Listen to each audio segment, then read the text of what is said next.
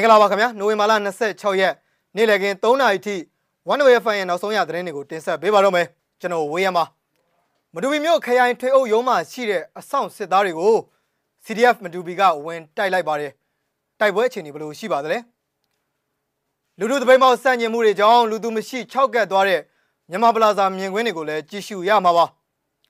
တရင်မှုရဲ့ဆိုင်ကပစ္စည်းတွေခိုးယူမိတဲ့စစ်ကောင်စီတပ်ဖွဲ့တွေပစ္စည်းဖို့ပြန်ရော်ပေးရတယ်လို့သိရပါတယ် ဒီသတင်းတွေနဲ့အတူဒီကနေ့နေ့လယ်ပိုင်း3နာရီထိနောက်ဆုံးရရှိတဲ့သတင်းတွေကိုတင်ဆက်ပေးမှာပါခင်ဗျာပထမဆုံးအနေနဲ့တင်ဆက်ပေးခြင်းတဲ့သတင်းတစ်ပုဒ်ကတော့ချင်းပြည်နယ်မတူပီမြို့ခရိုင်အထွေထွေအုပ်ချုပ်ရေးရုံးအတွင်းမှာအင်အား20ကျော်လောက်ရှိတဲ့စစ်ကောင်စီအဆောင်တပ်သားတွေကိုချင်းကာကွယ်ရေးတပ်ဖွဲ့ CDF မတူပီက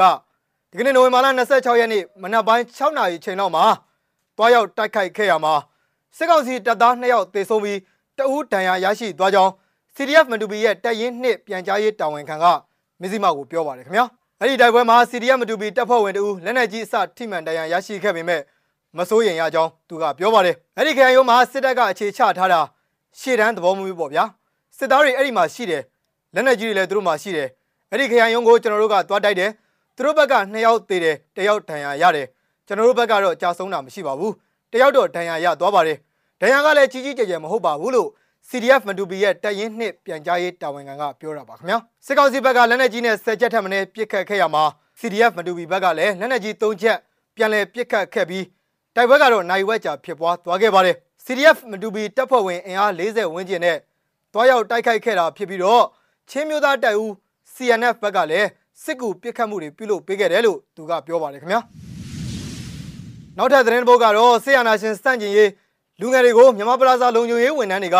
ရိုက်နှက်ဖမ်းဆီးပြီးတဲ့နောက်မှာတော့မြန်မာပလာဇာကိုတပိတ်မောက်လှုပ်ရှားမှုတွေအနေနဲ့ဆိုင်ကမ်းများစုပိတ်သိမ်းသွားပြီးပြည်သူတွေကလည်းမလာရောက်တော့ပဲတပိတ်မောက်မှုတွေစတင်နေပြီပဲဖြစ်ပါတယ်ခင်ဗျာဒီကနေ့မနက်ပိုင်းမှာတော့မြန်မာပလာဇာအတွင်းပိုင်းမှာလူသူမရှိတော့ပဲ၆ကတ်နေပြီးတော့မြန်မာပလာဇာအပြင်ဘက်မှာတော့စစ်တပ်နဲ့ရဲတွေအရက်ဝစ်လုံခြုံရေးရဲတွေထူထူထက်ထက်ပဲချထားကြောင်းတွားရောက်ကြည့်ရှုခဲ့တဲ့ကင်းထောက်လူငယ်ချို့ကပြောဆိုပါတယ်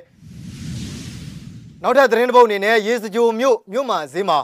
ဆိုင်ငန်းတွေဖောက်ထွင်းပြီးတော့ပစ္စည်းတွေခိုးယူခဲ့တဲ့ပြူစောတိအပါဝင်စစ်ကောင်စီတပ်ဖွဲ့ဝင်တွေတရင်မှုမိမရဲ့ဈေးဆိုင်ကပါခိုးယူခဲ့မိတာကြောင့်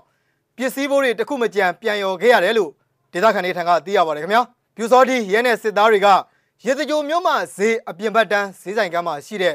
အကယ်ဒမီစင်ရောင်းဝယ်ရေးဆိုတဲ့ဗိုလ်ကြီးတယောက်ရဲ့အမလည်းဖြစ်တယ်လို့တရင်မှုရဲ့မိမပိုင်တဲ့ဈေးဆိုင်ကစပိတ်တာစီပုံ20ကျော်ကိုဖောက်ထွင်းခိုးယူခဲ့တာဖြစ်တယ်လို့ ဒေသခံတို့ကပြောပါတယ်ခင်ဗျာည7:00နာရီဝန်းကျင်လောက်မှာအဲ့ဒီဆိုင်နာစီကတနက်ဖောက်တန်နေအရင်ကြားရပါတယ်ကျွန်တော်သိရတာကတော့တနက်ဖောက်ပြီးပြူကောင်တွေကဖောက်ပြီးတော့ခိုးကြတာပြီးမှစစ်သားရဲသားတွေနဲ့လဝါရိုက်ပြီးတော့ခိုးယူခဲ့ကြတာဂိန်သွားတာကဆိုင်ပိုင်ရှင်အမရဲ့ယောက်ျားကတရင်မှုမောင်ကဗိုလ်ကြီးဖြစ်နေတော့သူတို့ခိုးတာတွေအကုန်နားကားကုန်ရောလို့ဒေသခံတို့ကပြောပါတယ်ခင်ဗျာစစ်ကောင်စီတပ်ရဲ့စစ်သားနဲ့ရဲသားတွေပါဝင်ပြူစောတိတွေကပစ္စည်းခွဲယူပြီးစခန်းတွေမှာတင်ထားရတာဖြစ်တယ်လို့တချို့ကသုံးဆွဲပြီးနေပြီဖြစ်တာကြောင့် စီပုံးတွေအပြင်ရော်ကြီးပါပေးခဲ့ရတာဖြစ်တယ်လို့သိရပါတယ်ခင်ဗျာစစ်သားရဲသားတွေကပစ္စည်းတွေတည်ယူတာမတင်ကားလို့ဖမ်းရတာပါဖမ်းပြီးစခန်းမှာတင်ရတာပါလို့စစ်သားရဲသားတွေကပစ္စည်းတွေတည်ယူတာမတင်ကားလို့ဖမ်းရတာပါဖမ်းပြီးစခန်းမှာတင်ရတာပါလို့အဲ့ဒီစစ်သားရဲသားတွေကဖြည့်ရှင်းချက်ပေးရတယ်သူတို့အကုန်ပြန်ရအောင်လုပ်ပေးပါမယ်ဆိုပြီးတောင်းပန်ရတယ်လို့သိရတာပဲမြို့ကတော့ကြိတ်ပြီးပီတိဖြစ်နေကြတာတခိုးတွေပေါ်ကုန်လို့စီကဆယ်ဘုံပြန်ရတယ်ကျန်တာကတော့ခွဲယူပြီးတော့တုံးထားကြလို့ငွေရော်လိုက်ရတာဖြစ်တယ်လို့ဒေသခံတို့ကပြောပါတယ်ခင်ဗျာ ဒီကနေ့နေ့လယ်ပိုင်းရဲ့နောက်ဆုံးသတင်းတစ်ပုဒ်အနေနဲ့အရာတော်မြို့နယ်တွေကဆီယနာရှင်စန့်ကျင်ဖြုတ်ချရေးတပိတ်စစ်ကြောင်းတစ်ခုကိုလည်းဖွင့်ပြပေးခြင်းပါတယ်ခင်ဗျာမိုးတန်တွေကလမ်းမပေါ်မှာမိုးတန်တွေကလမ်းမပေါ်မှာဘောဒီသူကိုပြန်ပေးပြန်ပေးဘောဒီသူကိုပြန်ပေးပြန်ပေးလုံးဝသုတ်ခွင့်ရသေးရလုံးဝသုတ်ခွင့်ရသေးရမောင်မောင်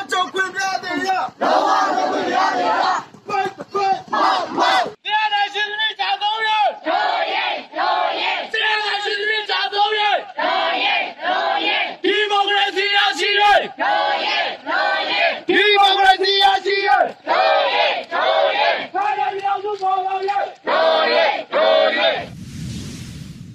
နိုဝင်ဘာလ 26ရက်နေ့လည်ခင်း3နာရီထိနောက်ဆုံးရရှိခဲ့တဲ့သတင်းတွေကိုတင်ဆက်ပေးခဲ့တာပါခင်ဗျာ။ One Way Fan ကိုစောင့်မျှော်နားဆင်ကြတဲ့ပရိသတ်အပေါင်းကိုစိတ်နှပြကျမ်းမာချမ်းသာကြပါစေလို့ဆုမွန်ကောင်းတောင်းလိုက်ရပါတယ်။ထူးခြားတဲ့သတင်းတွေနဲ့အတူကျွန်တော်တို့မကြခင်မှာပြန်လည်ဆုံတွေ့ကြပါမယ်ခင်ဗျာ။